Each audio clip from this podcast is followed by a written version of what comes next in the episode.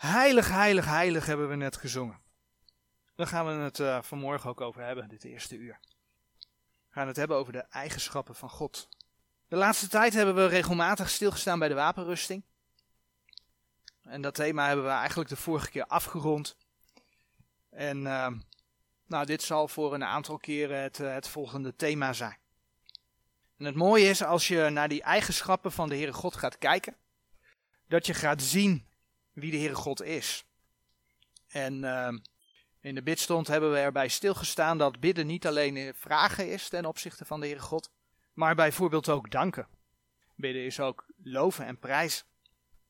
Nou, als je ziet wie de Heere God is, dan krijg je eigenlijk een heleboel redenen om de Heere God te danken, om de Heere God te prijzen. Nou, wanneer we het over de eigenschappen van de Heere God hebben, dan is er eigenlijk één eigenschap die door mensen veel genoemd wordt. En dat is natuurlijk, God is liefde. En ja, God is liefde. Dat klopt. Maar God is veel meer dan dat. God is bijvoorbeeld ook, twee eigenschappen waar we vandaag bij stil zullen staan, naast de liefde, ook heilig en rechtvaardig. Dus God bedekt niet zomaar alles met de mantel der liefde. Hij is rechtvaardig, hij kan geen zonde zien. Maar door zijn liefde heeft hij wel de oplossing voor de zonde gegeven. Door Jezus Christus is er eeuwig leven. Maar, zoals gezegd, laten we eens naar die eigenschappen gaan kijken. En de eerste is, God is heilig. En het eerste vers wat we willen lezen, komt uit Openbaring 4. Openbaring 4 vers 8. In Openbaring 4 vers 8 lezen we over vier dieren, vier gerubs, die rond de troon van de Heer zijn en die de Heere verheerlijken. En dan lezen we wat die dieren zeggen in, in, in het achtste vers van Openbaring 4. En de vier dieren hadden elk een voor zichzelf zes vleugelen rondom en waren van binnen vol ogen en hebben geen rust dag en nacht, zeggende, Heilig, heilig, heilig is de Heere God, de Almachtige, die was en die is en die komen zal. In de profeten komen we dat ook tegen. Als we naar Jezaja bladeren, dan lezen we dat ook uh, de profeet Jezaja een inkijkje in de hemel krijgt. En Jezaja die ziet dan serafs. En die serafs in Jezaja hoofdstuk 6 vers 3 die zeggen het volgende. En de een riep tot de ander en zeide, heilig, heilig, heilig is de Heere der Heerscharen. De ganse aarde is van zijn heerlijkheid vol. Dus opnieuw, hè, dat heilig, heilig, heilig. De Heere God is dus heilig. Nou, we hebben wel bij uh, de gemeente als onderwerp stilgestaan. En gezien dat, dat die gemeente, dat staat in Efeze 2 beschreven, een heilige tempel is. Daar zit ook dat heilige weer in. En die gemeente is een heilige tempel omdat zij uit de wereld getrokken is. Gelaten 1 vers 4. Zij is apart gezet voor de Heer. Want die wereld die ligt in het boze. En dan word je als kind van God opgeroepen om niet wereldgelijkvormig te zijn. Romeinen 12. 12 vers 2. Maar ja, we komen erachter, door Gods woord te lezen, maar ook gewoon door eerlijk naar ons eigen leven te kijken, dat mensen daar niet volmaakt in zijn. En toch, 1 Petrus 1 vers 16 vraagt de Heer zijn kinderen om heilig te zijn, omdat Hij heilig is. Heilig zijn betekent dus ja, zonder zonde zijn, puur zijn. Als we dan naar de profeet Habakkuk bladeren.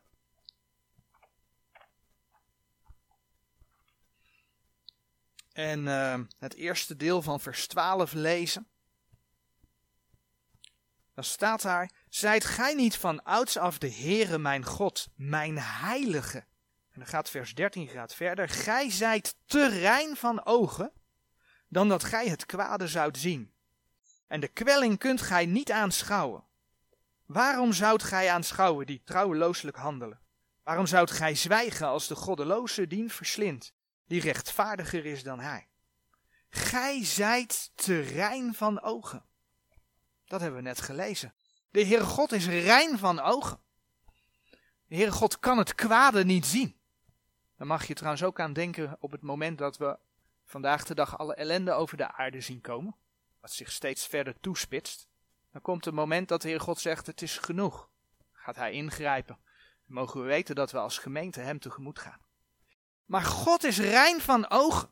En dat is wat Hem apart zet van de mensheid. De mensheid die in zonde gevallen is. God is rein. De mens is dat niet. En dat is wat Hem heilig maakt. Puur, zonder zonde. Als we verder terugbladeren naar Exodus 15, dan lezen we wat Mozes zong toen de Heer het volk Israël gered had door de zee heen. Exodus 15, vers 11. O Heere, wie is als gij onder de goden? Wie is als gij verheerlijkt in heiligheid? Vreselijk in lofzangen, doende wonder. En zo was het Hanna die in 1 Samuel 2 vers 2 het volgende bad. Er is niemand heilig gelijk de Heere, want er is niemand dan gij, en er is geen rotsteen gelijk onze God. Kortom, de God van de Bijbel heeft geen gelijke. Hij staat apart. Hij is heilig.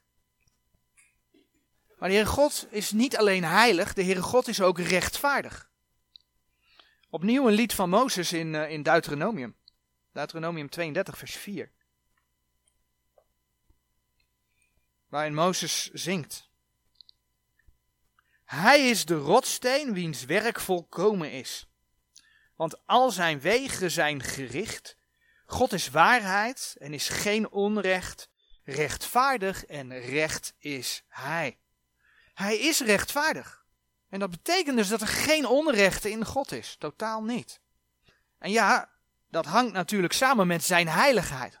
Als je niet zondig bent, apart gezet, puur, dan is rechtvaardigheid daaraan gekoppeld. Als je rechtvaardig bent, dan doe je goed, ongeacht wie je voor je hebt, ongeacht de situatie. Noem het maar op. Maar in dat woordje rechtvaardig, daar zit ook het woordje recht in. En binnen het recht is het natuurlijk ook belangrijk dat je niet iemand die jij lief hebt anders behandelt dan een ander. Dat je de rijke niet een betere behandeling krijgt dan de arme bijvoorbeeld. En uh, in Deuteronomium 16, vers 19. Daar lezen we: Gij zult het gericht niet buigen, gij zult het aangezicht niet kennen, ook zult gij geen geschenk nemen want het geschenk verblindt de ogen der wijze en verkeert de woorden der rechtvaardigen. Gerechtigheid, gerechtigheid zult gij najagen. In uh, Spreuken 17 vers 15, en die, die, die tekst die staat hier op de dia. Daar staat wie de goddeloze rechtvaardigt en de rechtvaardige verdoemt, zij de Heere een gruwel. Ja, die beide. Ik, ik denk dat dat ook wat zegt over, over de wereld waarin wij leven. De wereld die in het boze ligt. Wie de goddeloze rechtvaardigt en de rechtvaardige verdoemt, zij de Heere een gruwel. Ja, die beide. En de Heere wil dat je recht doet, omdat Hij recht is. In uh, Psalm 111, vers 3. Lezen we. Zijn doen is majesteit en heerlijkheid. En zijn gerechtigheid bestaat in der eeuwigheid. Dus God is heilig God is ook rechtvaardig. En er komt een tijd dat hij zelf gaat richten. Dat hij gaat oordelen. In een andere psalm, psalm 50 vers 6. Daar lezen we dat de Heere God rechter is. En de hemelen verkondigen zijn gerechtigheid, want God zelf is rechter. We gaan daar niet heel uitgebreid op in nu. We weten dat de Bijbel verschillende oordelen laat zien. De Bijbel spreekt over het laatste oordeel van de grote witte troon. Openbaring 20 spreekt over het feit dat de doden zullen opstaan. En die zullen voor de grote witte troon verschijnen. En als je dan kijkt naar deze tijd waar wij in leven, dan weten we dat dat gaat over degenen die de Heeren verworpen hebben. Die zullen opstaan en geoordeeld worden naar hun werken. En dan lees je dat ze doorverwezen worden naar de poel des vuurs. En als we het dan hebben over de mensheid, ja, als die mensen de werken naast bijvoorbeeld de wet houden, dan weet je hoe de mensheid voor God staat. Hè? Je hoeft alleen maar naar de tien geboden te kijken. Eer uw vader en uw moeder. Gij zult niet echt breken. Gij zult niet stelen. Gij zult geen valse getuigenis geven. Gij zult niet begeren. En dan hebben we het nog niet over de rest van Gods woord. Als we naar de gelovigen kijken, de gelovigen van, van deze bedeling, die komt niet voor die grote witte troon. Maar wel als de gemeente opgenomen wordt, zal de gelovige voor de rechterstoel van Christus komen. Waar de gelovige beoordeeld wordt, overigens ook zijn werken. Het is wel een verschil. Voor de, grote, voor de rechterstoel van Christus gaan de werken door het vuur. En dat is heel wat anders dan dat je op je werken beoordeeld wordt. Vervolgens zelf, je eigen ziel, in de poel des vuurs belandt. Er is een heel groot verschil tussen de rechterstoel van Christus en de grote witte troon. Maar ook de werken van de gelovigen zullen beoordeeld worden. 2 Korinthe 5 vers 10 spreekt erover. In 1 Korinthe 3 vers 13 tot en met 15 kun je daarover lezen. En als wij als mensen, ook als gelovigen, voor de Heere God staan, dan weten we dat we van nature tekortschieten. Wij mensen zijn van nature niet rechtvaardig. We zijn vaak egocentrisch. We willen er vaak zelf het beste uitkomen. En dat laat de Heere God ook zien in zijn woord. Hele bekende tekst in Romeinen 3. Romeinen 3 vanaf uh, vers 10. Gelijk geschreven is, er is niemand rechtvaardig, ook niet één. Er is niemand die verstandig is. Er is niemand die God zoekt. Allen zijn zij afgeweken. Tezamen zijn zij onnut geworden. Er is niemand die goed doet. Er is ook niet tot één toe. Dus God is heilig, hij is rein van ogen, hij kan geen kwaad zien. En dus zal hij rechtvaardig oordelen, want dat gaat komen. Ik heb net één oordeel niet genoemd. Die staat zelfs in, in, de, in, de, in de psalmen beschreven. Uh, Psalm 96, vers 13 kom je dat tegen. de gemeente wordt hier geoordeeld, maar de volken zullen ook nog een keer geoordeeld worden.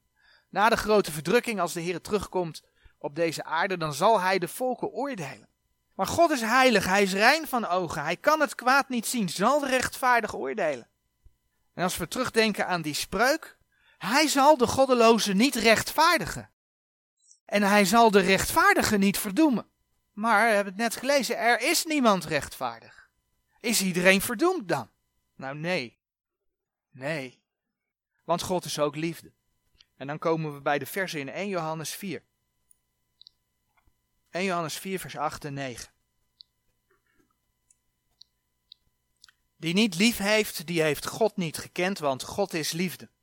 Hierin is de liefde Gods jegens ons geopenbaard, dat God zijn enige geboren zoon gezonden heeft in de wereld, opdat wij zouden leven door hem. Het probleem vandaag de dag is dat men eigenlijk alleen maar wil praten over een God die liefde is. Men wil niet praten over een rechtvaardige God die oordeelt. Maar het een kan niet zonder het ander. Dus ja, God is liefde. Dat hebben we zojuist gelezen. Maar wat houdt dat dan in? In eh, Johannes 15, vers 12 en 13. Daar lezen we: Dit is mijn gebod dat gij elkander lief hebt, gelijkerwijs ik u lief gehad heb. Niemand heeft meerder liefde dan deze, dat iemand zijn leven zet voor zijn vrienden. En dat is exact wat de Heer gedaan heeft Alhoewel, de Heer is nog een stapje verder gegaan. Want wat de Heer gedaan heeft, is dat hij zijn leven niet voor zijn vrienden gegeven heeft, maar hij heeft zijn leven voor zijn vijanden gegeven. Dat wordt uh, heel mooi verwoord in Romeinen 5. Ik bedoel, kijk hoe de wereld reageert op de boodschap van God en zijn woord. Dan zie je dat de mens in de wereld een vijand van God is. En toch heeft de Heer, ondanks dat de mens van nature een vijand van God is, zijn leven voor alle gegeven. Romeinen 5 vanaf vers 8. Ook niet de eerste keer dat we deze versen aanhalen, maar het staat hier zo mooi. Romeinen 5 vanaf vers 8. Maar God bevestigt zijn liefde jegens ons, daar heb je de liefde, dat Christus voor ons gestorven is als wij nog zondaars waren. Veel meer dan zijnde nu gerechtvaardigd door zijn bloed zullen wij door hem behouden worden van de toeren. En dan komt hij in vers 10, want indien wij vijanden zijnde met God verzoend zijn door de dood zijn zoons, veel meer zullen wij verzoend zijnde behouden worden door zijn leven. In die teksten staat heel duidelijk wat Heer Jezus voor ons, voor de mensen gedaan heeft aan het kruis van Golgotha. Toen je nog een zondaar was, is hij voor jouw zonde gestorven. Doordat zijn lichaam verbroken is, hij zijn bloed vergoten heeft is en opgestaan is uit de dood, heb je als mens dus de mogelijkheid om behouden te worden, om eeuwig leven te ontvangen, om niet in die poel des vuurs terecht te komen, ondanks dat je zelf niet rechtvaardig bent uit jezelf. Rechtvaardigde de Heere je door zijn bloed. En dan ben je geen vijand meer. Dan heb je vrede met God. Dan ben je verzoend met God. En dat alles, zegt Romeinen 5 vers 8, bevestigt Gods liefde voor de mens. Maar en dat je die rechtvaardiging door de Here, van de Heer ontvangt. Dat blijkt ook zo mooi uit de, de bekende vers in 2 Korinthe 5, vers 21. Want dien die geen zonde gekend heeft, de Heer Jezus Christus, heeft Hij zonde voor ons gemaakt, opdat wij zouden worden rechtvaardigheid Gods in Hem. Dus Gods heiligheid en rechtvaardigheid laten zien dat de mens niet rechtvaardig is. Maar het is Gods liefde die daarvoor uitkomst heeft gegeven. De Heere God is in zijn Zoon naar deze aarde gekomen. En als de mens dat met zijn hart gelooft en beleidt met zijn mond, dan wordt die mens gerechtvaardigd. Dan is die mens behouden. Want de Heere zal de rechtvaardige niet verdoemen. Dat was uh, Spreuken 15. En dat is de reden waarom de gelovige niet voor die grote witte troon van het laatste oordeel zal verschijnen. De gelovige is gered. We willen afsluiten. En de tekst staat op de dia. En ik denk dat we hem allemaal eigenlijk ook wel uit het hoofd kennen. Met die, die, ja, die, die hele bekende tekst van Gods liefde voor deze wereld. En dat is Johannes 3, vers 16. Want al zo lief heeft God de wereld gehad. dat hij zijn enige geboren zoon gegeven heeft. Opdat een iegelijk die in hem gelooft niet verderven maar het eeuwige leven hebben. Maar die liefde gaat dus niet buiten zijn rechtvaardigheid om. God is liefde, maar is ook heilig en rechtvaardig. En als je dan terugdenkt aan de opmerking die ik over danken en prijzen heb gemaakt, dan zie je dat we eigenlijk heel veel redenen hebben om Hem te danken, om Hem te prijzen voor alles wat Hij voor ons gedaan heeft. Hoe mooi zien we door deze drie eigenschappen van God heen wie Hij is. Hoe mooi klinkt door deze drie eigenschappen heen de boodschap van het evangelie. God laat zien wie hij is. En de volgende keer zullen we verder gaan met die eigenschappen van God. En zullen we bijvoorbeeld stilstaan bij zijn almacht, bij zijn alwetendheid, bij zijn alomtegenwoordigheid, zijn eeuwigheid. En zo zijn er nog wel wat eigenschappen te noemen. Tot zover voor vandaag. Amen.